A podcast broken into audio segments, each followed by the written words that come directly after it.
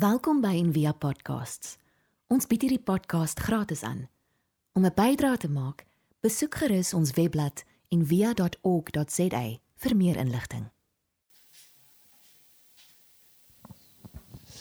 Goeiemôre julle. Ons praat op die oomblik oor wat kan jou anker hierdie jaar? So ek dink as jy nou vir Paulus vra dan sal hy sê, "Oké, okay, hier's 'n klomp goed. Kom ons vat 3. Kom ons vat 3." En die grootste is die liefde.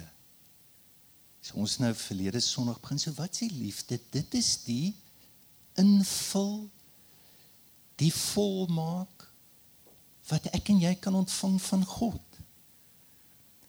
Romeine 5 sê en God het sy liefde in ons harte uitgestort. Ons kry dit. Dis genade, jy kan niks doen nie. Geloof help jou om oop te maak dat jy dit kan ontvang. En Frida praat volgende Sondag oor geloof, hoop help jou om dit vas te hou. So ons praat ver oggend oor geloof. Dis 'n moeiliker een. Wat wat is geloof? So 15 jaar terug toe is klein Luka gebore en hy was 'n premie en ons was deur 'n verskriklike moeilike tyd. So Wilma het nie genoeg bloed deur die plasenta eh, na Lukaatjie toe gaan so hy is ondervoed en so in hierdie krisis eendag toe gaan ons Kaapstad toe en die spesialis sit so en kyk en sy sê kom volgende week terug as hy lewe en Wilma het so gehuil die dokter moes haar agteruitvat dat die pasiënt haar nie sien. En nadat ons krisis begin in in hierdie krisis op een dag toe kom maar drie vrouens na ons toe en sê die Here het vir my gesê ek moet Romeine ag Hebreërs dit wat ons ver oggend gelees het gee. En jy moet glo en jou geloof sal jou kind red. So ek onthou toe ek jonger was, dink ek ek sou dit glo het. En dan vir alles mense sê die Here sê toe ek jonger was, het ek dit geadmireer. Nie meer nie.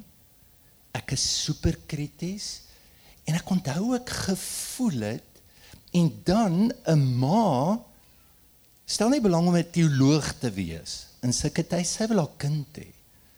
En ek kon onthou sy geheiling sê maar wat van as my geloof dit nie maak nie.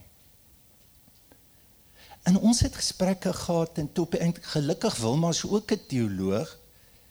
Dis ek vir maar moet ons nie Hebreërs 11 net lees nie.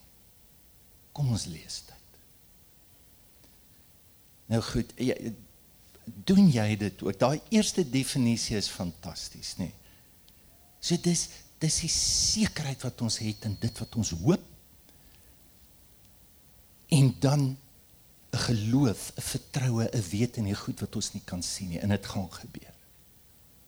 Maar nou lees jy Hebreërs dan praat hy van Abel, Henog, Abraham, hierdie groot mense van geloof en soms so vroeg in die hoofstuk moet jy ontstel word. Dan in vers 13 sê hy terwyl hulle steeds geglo het, al hierdie mense gesterwe sonder om te verkry wat hulle beloof is. Dit is nie lekker nie. Waar pas geloof nou in? Kom hulle anyway glo. Goed, dan gaan die gedeelte nou aan. Dan is Ragab die hoer in die galery van geloofshelde wat ook bietjie vreemd is. So, as jy iemand anders daar aangesit het. En dan raak dit nog erger. Vers 36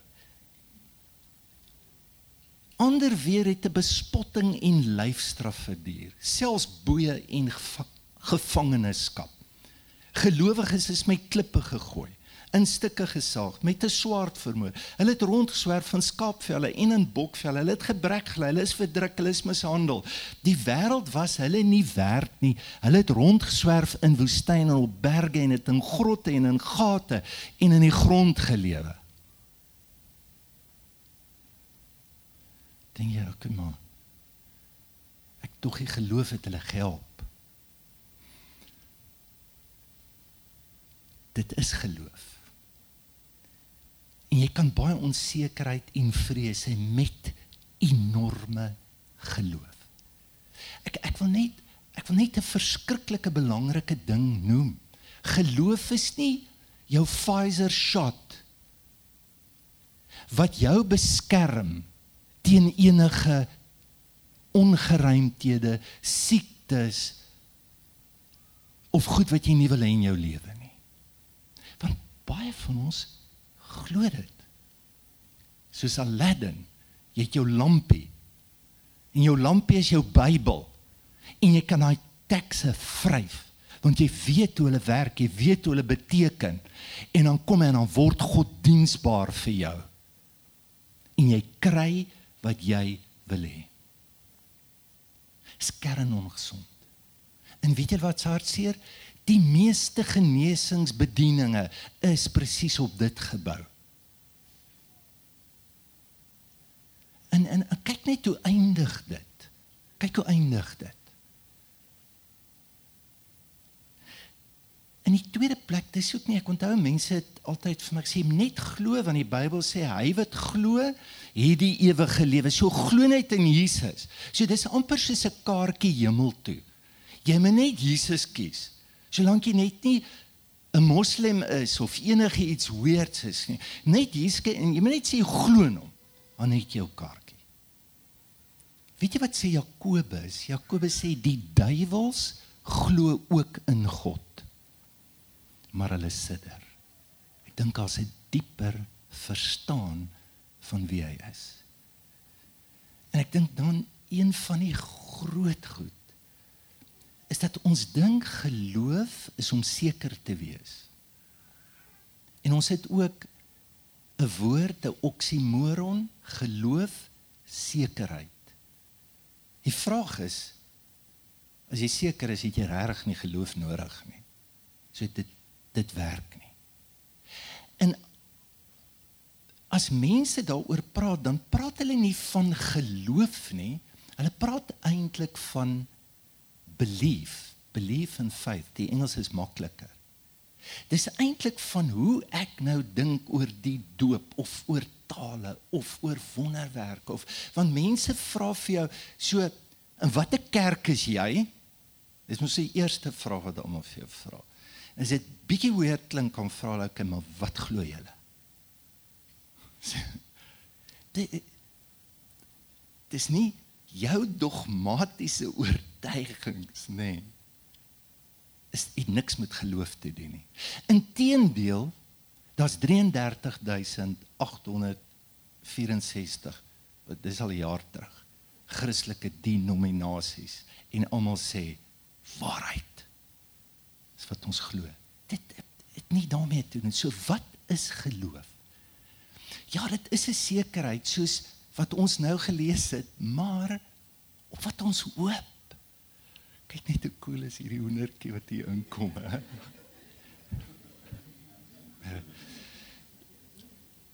Ons gooi nie duwe as ons preek nie, ons bring hoenders.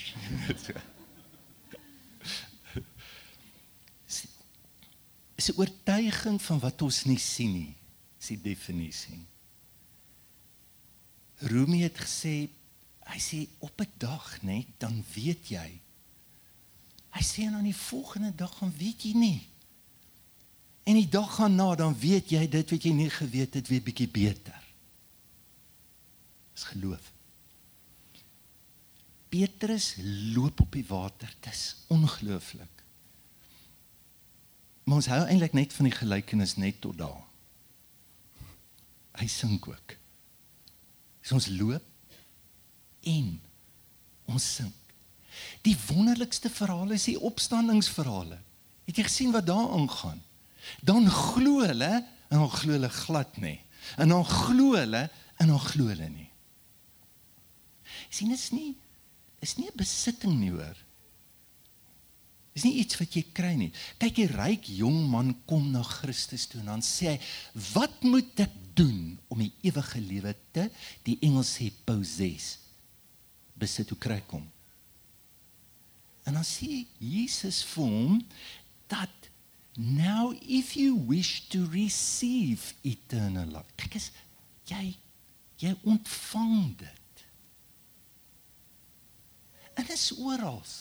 Dit dis 'n gawe. Dis 'n gawe vir jou. Dis soos asem. Dis soos lug. Jou gesondheid hang nie af of daar lig is of nie. Jou gesondheid hang af van die kondisie van jou longe wat daardie lug moet gebruik. En presies, wat doen jy as jou longe swaar kry? Wat dan? Want partykeer haal ons maklik asem. Partykeer sukkel ons om asem te haal. En dan miskien geen nie nou hou van wat ek sê nie, maar gelukkig sy ou so 'n bietjie, ek dink sy het jonger was dan sou ek hierdie ouetjie gelos het. Sy het effe nie mense kwaad maak. Maar ek hierdie week toe ek sit, dit is is verskriklik belangrik. Dit is groot. En God se uitnodiging is vir almal. Jy hoef nie godsdienstig te wees om geloof te hê nie. Jy hoef ook nie 'n Christen te wees nie. Ek weet dit klink snaaks. Ek dink dis hoekom Ragab daar is. Dit het baie meer te doen met die eenvoud, met die integriteit, met die vertroue waarin jy in iets sit. Dit baie meer met dit te doen. Jesus kom by 'n vrou, Sirofenisiese vrou, 'n beter vertaling of dit sou 'n kananiet wees. Hulle is heeltemal buite die geloof. En dan sê vir die vrou, ek het in die hele Israel het ek nog nooit so groot geloof gesien soos dit nie. En dan godsdienstige ouens freak uit. Hulle wil hom doodmaak. So Jesus se lewe nooi ons na dit uit. Nie die afwesigheid van enige angs of onsekerheid. Maar reeds te midde van dit is waar geloof inskop. Het jy al die kruisverhaal gelees? En Henry Nouwen vertel dit so mooi. Ehm um, daar's so baie verhale van hom ek lees op die oomblik en ehm um, sy hele lewe is is soos wat Dion het net nou gevra uit daai quote aangehaal van 'n God wat help ons om dit in alles te sien net hoe sy geloof deur die lewe gevorm is. Hy vertel die storie, hy gee klas in New York en hy hoor sy mam mamma is dood. En hy kom terug en op die vliegtuig sit en dan dink hy die hele tyd hoe sy moes doodgaan. Want jy wil as jy regtig geloof het, moet jy moet jy regtig baie goed doodgaan laaste wonderlike iets wat jy sê of engele of 'n lied en toe hy terugkom toe hoor hy sy's dood met ongelooflike angs en onsekerheid. En sy was 'n godvreesende vrou. Sy het haar hele lewe vir die Here gegee. En hy sê dit bring my terug na die kruis toe. Waar iemand wat hang, 'n soldaat gaan dood met geen vrees nie. En Jesus is bang. Here kom los jy my. En hy gaan in daardie angs in. So ons is nie op 'n konveierbelt. Is jy regtig geloof en aan eindig dit so? Is nie dit nie. Dink wat ons wel help, uh, julle weet wie Elisabeth um, Kibler-Ross sy het honderde mense wat doodgaan het of het, het sy met die gesinne gewerk na dood en agtergekom maar hoorie daar's klomp fases wat deur almal gaan. Jy begin dan sien maar dis nie waarheid nie, dis ontkenning. En dan raak jy kwaad, jy raak kwaad vir die dokter en dan begin jy te baken. As ek net meer dit gedoen het, as ek net meer en dan gaan jy in 'n depressie en in die laaste een is oorgawe, maar daar word nou baie oor oor oorgawe geskrywe dat daar baie kere donker, donker tyd ding is waar jy ingaan. om oor te kan gee.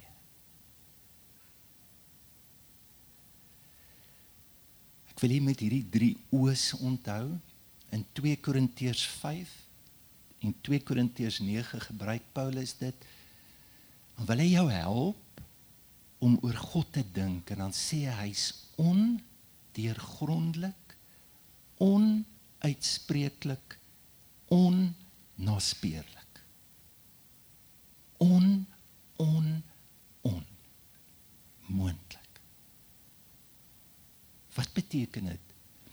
Dat ons woorde, ons gedagtes kan nie gaan altyd tekort skiet altyd. Alles wat ons probeer sê op jou beste gaan tekortskiet aan wie God werklik is. En as jy dit op jou slegste sê, dan word dit afgoderry. Annie Dillard sê's baie oulik, sy altyd sulke bitter gesê goedjies. Sy sê the concepts and language about God that are given to us in Scripture and in the church tradition are simply words that we have permission to use without being stuck dead for idolatry. As 'n donker, donker gesig. Wanneer jy 'n afgod maak van dit wat jy God probeer noem. Is donker, ons maak dood vir dit. Ons verwerp mense, ons sny mensheid ons lewe uit vir dit. En al is God vir jou 'n superwese, baie mense hou van dit. Is is nog iets wat jy geskep het. En dan moet jy net by dit altyd onthou, dis hy's net soveel groter as dit. beteken dit nou dat geloof is teen teen my rede? Kon nou baie keer as jy met mense praat, jy gaan nou na argumente of iets dan die lekkerste en vinnigste manier om uit dit te kom is te sê glo net soos 'n kind. Ek glo maar soos 'n kind. Eintlik om nie te dink al want nee. Dat jou kop en rede staan nie teenoor geloof nie, maar al wat geloof sê is hy verdwerg jou rede is net te klein. Dit wat astrofisika doen aan elementêre rekeningkunde, dit of dit wat die son doen aan die lig van hierdie kers wat skyn. Dit presies dit is net groter. En ek wil dit sê en ek het 'n die diep oortuiging enige God wat jy verstaan. Ek dink nie hy kan God wees nie. Ek jammer. Kan nie. Die een woord vir Jesus sê en julle sal hom wonderbaar noem. Die woord wonderbaar beteken more than you've expected. Is meer. Hy sal altyd en God sal altyd jou verstand, jou hart en jou verbeelding verwar. Hoekom? Want hy wil vir jou mooier wys. Hy wil vir jou groter wys. En geloof maak jou oop vir hierdie moontlikheid. En ek weet baie van ons sit teen, "Jesus, maar dis donker." daar's 'n leegheid. Dis met geloof so. En in geloof word God so geken as die lig so helder skyn dat jy die duisternis ook waarneem. Dis God. As die werklikheid so werklik word dat jy niks waarneem. Dis God. So wat vra geloof van jou? Ek het gedink ons sluit af met hierdie quote van Abraham Heschel wat sê faith isn't some constant state of belief but rather a sort of faithfulness. A loyalty to the moments when we had faith. Ons hoop van harte jy het hierdie podcast geniet of raadsaam gevind. Besoek gerus en via.ok.za vir meer inligting.